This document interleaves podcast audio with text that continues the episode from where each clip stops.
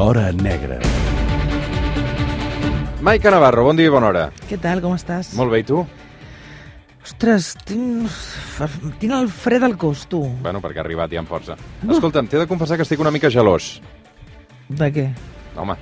Del, del, del convidat d'avui? No, aquesta setmana déu nhi perquè poso l'altre dia a la tele, el dimecres al vespre, Sí. i et veig a l'APM ligant amb el Joel Díaz. O sigui, has, has vingut a... Què fas? T'he semblat interessant. Així, Sí, eh? així a boca, bote pronto, sí. Tens el telèfon? No, després et dono el telèfon. Maica Navarro està intentant lligar amb mi. Et va donar el telèfon o no? Sí o no? Et va donar el telèfon o no? Ho va, ho va arribar a emetre? Ho va emetre? Home, clar, sí. Això ho va emetre? Sí, això va sortir a TV3 i el Joel Díaz cada dia el tenim aquí a Catalunya Ràdio a l'APM. Ah, I, jo, ah. I cada dia que me'l trobo pel passeig dic, què, Maica Navarro? Està fent el salt o no? Uh, sí, sí, clar que me'l va donar. Ah, sí? Sí, sí. I què tal? Com va acabar? bueno, és que, és que tinc molt de liu, no, no l'he pogut trucar encara. Estàs molt ocupada aquesta setmana. Bueno, per cert, demà marxo a Galícia al judici de la Diana Kerr. Mm, ho sé, ho sé, ho O sigui que tens una setmana per recuperar les teves posicions en el rànquing de les meves passions. Molt bé.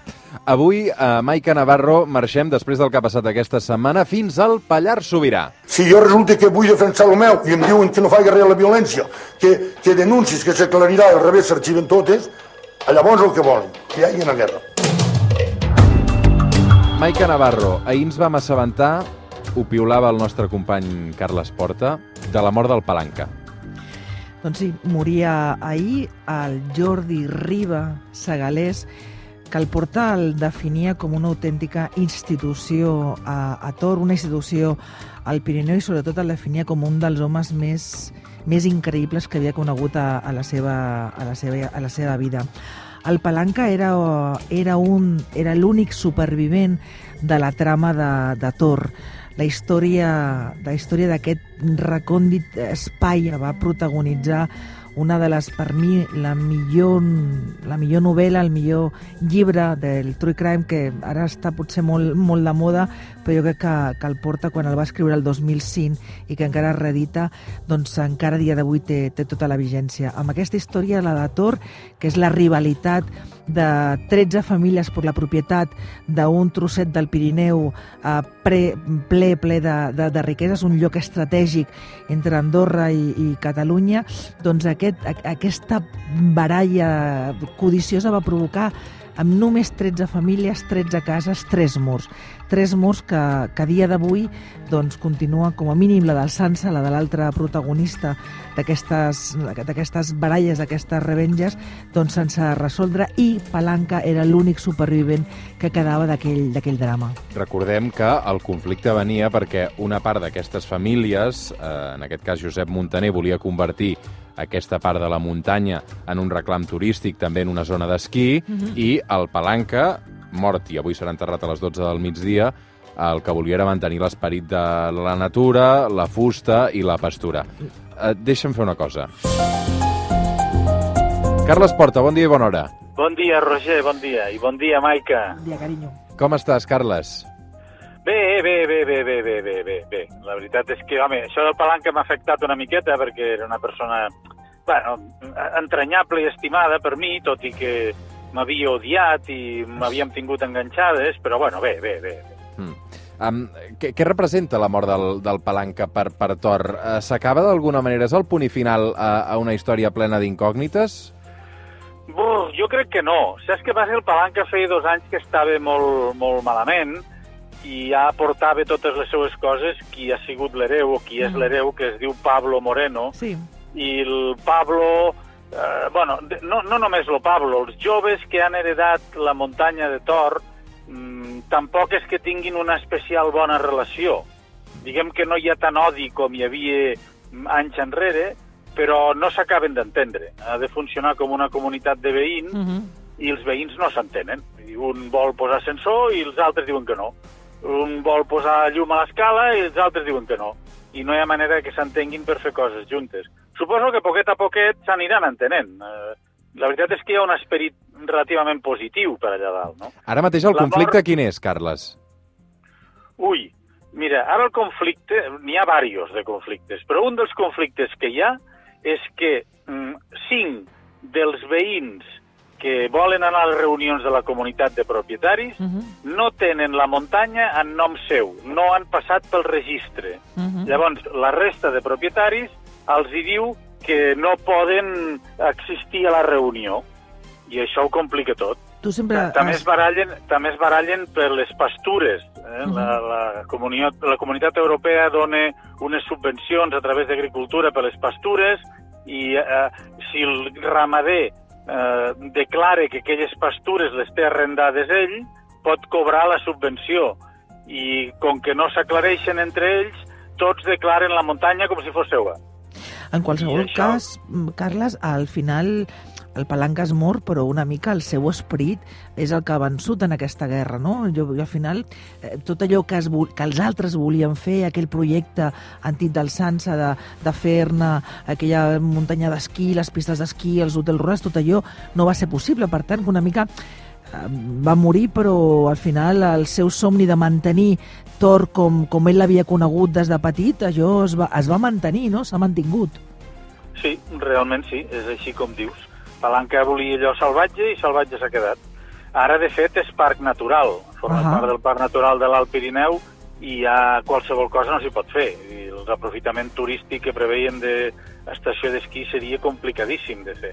Però bueno, és igual, és que el problema és que no s'hi pot fer ni carretera, perquè ara està asfaltat fins a un quilòmetre i mig de Tor i, i, no, i els veïns de Tor no deixen que s'asfalti més enllà perquè li exigeixen a l'Ajuntament de Lins que si volen asfaltar eh, han de portar llum i aigua. Mm. I, i, i diuen, vale, vinga, doncs parlem-ne. I llavors surt un altre veí i diu que no. I va, és una mica liós. Ara hi viu algú allà a tot l'any, com, com deia la, la norma general? Tot l'any No, viu? no, no. Encara no, no? Impossible. A l'hivern impossible, no, Carles? Ara mateix, mm, aquests dies ja no hi viu ningú.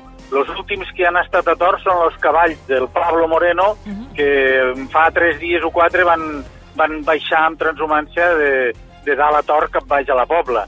El, quan arriben les, eh, les primeres neus o els primers freds ja no hi queda ningú.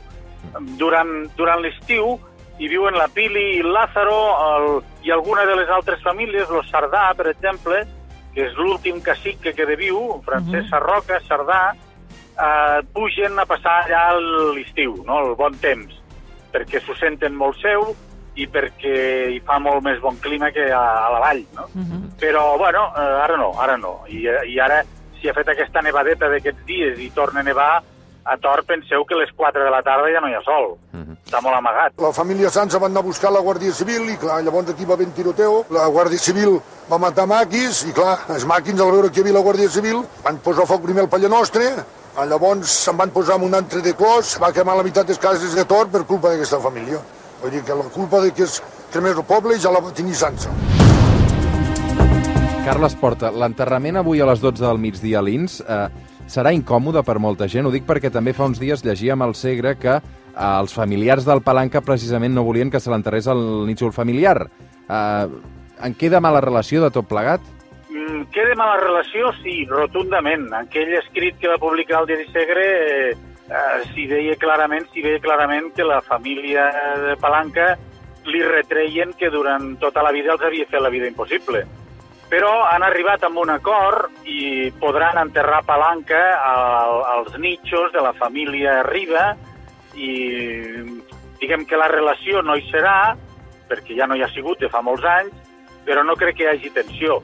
I jo crec que l'enterrament avui només trauran al cap la gent que li queia bé Palanca o que tenia relació amb Palanca.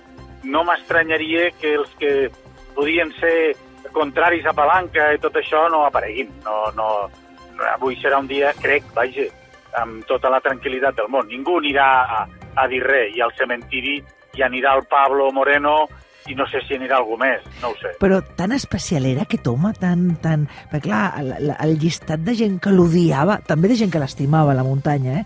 Això sempre ho has explicat tu. I gent que estava fascinada, jo crec que tu una mica també tens una certa... Sempre has tingut molta fascinació pel personatge.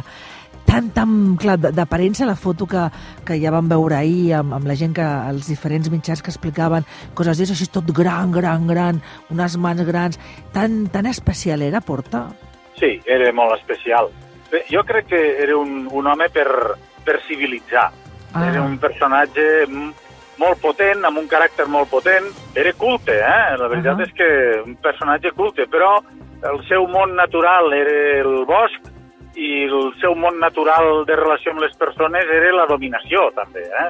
Tenia, havia tingut moltes relacions, eh, diguéssim, afectives, però cap de fixa. Moltes dones m'han vingut a dir que havien ballat amb ell, que és una manera subtil Mhm. de- d'entendre moltes coses, Mhm. però no havia tingut mai una parella, òbviament no tenia fills, mm, enfadat amb tota la família, enfadat amb la majoria de gent del Pallars i de la Vall Ferrera. Sens dubte un També personatge de, havia de, de novel·la. Tu com t'hi vas aconseguir apropar, Porta, al Palanca? Bueno, pues a base de moltes ratafies.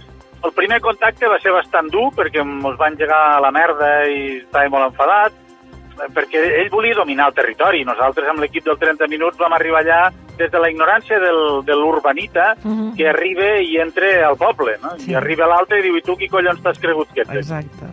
Però, bueno, després a base de ratafies i quan et van veient i un dia i un altre dia, encara ets aquí, encara ets aquí, tu que ets aquell de la tele. I llavors la cosa, pues, la distància es va, es va escurçant i poquet a poquet, pues, bueno, pues, vas entrant al personatge, vas parlant, sobretot no li has de tenir por, jo crec que la mirada franca, ell trobava un tio que se'l mirava de tu a tu i que no tenia por, tampoc tenia per què tenir-ne, no? I poquet a poquet, pues, pues, bueno, vam fer una certa relació. Se t'ha de fer la pregunta obligatòria a Carles. S'emporta molts secrets a la tomba i el principal secret que encara es manté a la, a la muntanya? Jo crec que Palanca no ho sabia, qui va matar Sansa. Jo crec que eh, Palanca eh, podia tenir alguna idea, per, ne, van parlar moltíssim amb ell, eh? Uh -huh. però crec que no ho sabia. Crec que no ho sabia. Podia tenir alguna idea, però no ho sabia. Jo li havia dit eh, la meva teoria o les meves teories, amb algunes estava d'acord, amb algunes no tant, no ho sé. Jo crec que no s'emporta aquest secret a la tomba. Crec que no. No ho sé, eh?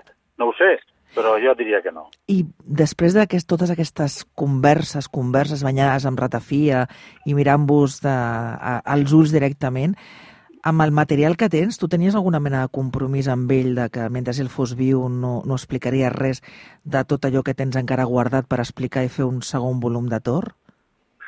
Ah. No, tinc, Segur. tinc material per fer un segon volum, però no tinc temps. Ja veurem ara com evoluciona tot això. Eh, Palanca també tenia molta documentació que no havia cedit mai. Eh, no sé si ara el Pablo eh, me la deixarà i, i la podrem veure. No ho sé, ja ho veurem, ja ho veurem. Clar, molta gent, amb la resposta que m'has donat abans sobre els secrets a la tomba, molta gent deu pensar en l'imaginari de molts que ho han llegit tot o ho han sapigut aquests dies o han, rec ho han recuperat de les estanteries aquesta meravella de llibre. Eh, No, aquesta que... meravella de llibre i de podcast, perquè el 13 Exacte. cases i 3 morts eh, també és Premi Ràdio Associació de Catalunya eh, d'aquest any. El podem recuperar, és un dels àudios més descarregats i és una de les cireretes que tenim al web de Catalunya Ràdio. Eh, vull dir que és, avui més que mai segur que hi torna a haver descàrregues. Doncs per molta gent potser en el seu imaginari creu que, que, en van ser, que va ser palanca a l'assassí de, del Sansa. Tu en algun moment tu has plantejat això, Carles? Bueno, primer moment... Bueno, per cert, moltes gràcies per les vostres paraules, que són molt amables. En un primer moment tothom va pensar que havia sigut Palanca, perquè en realitat Palanca era el més perjudicat la sentència del jutjat de Trem que li donava tota la propietat de la muntanya Sansa. a Sansa. Uh -huh. I després de molts anys de lluita per la propietat amb el teu principal enemic, que era Sansa, va el jutge i li dona la muntanya a Mhm, Sansa. mhm. I al cap de cinc mesos apareix Sansa mort. Uh -huh. La qüestió és que Palanca, aquella setmana en què van matar Sansa, no era a Tor. No era a Tor. I quan ho va saber, es va amagar. Que va tenir por, perquè va tenir por que el matessin amb ell. I llavors eh, jo crec que Palanca no ho va fer. Les noves investigacions em porten amb una altra línia.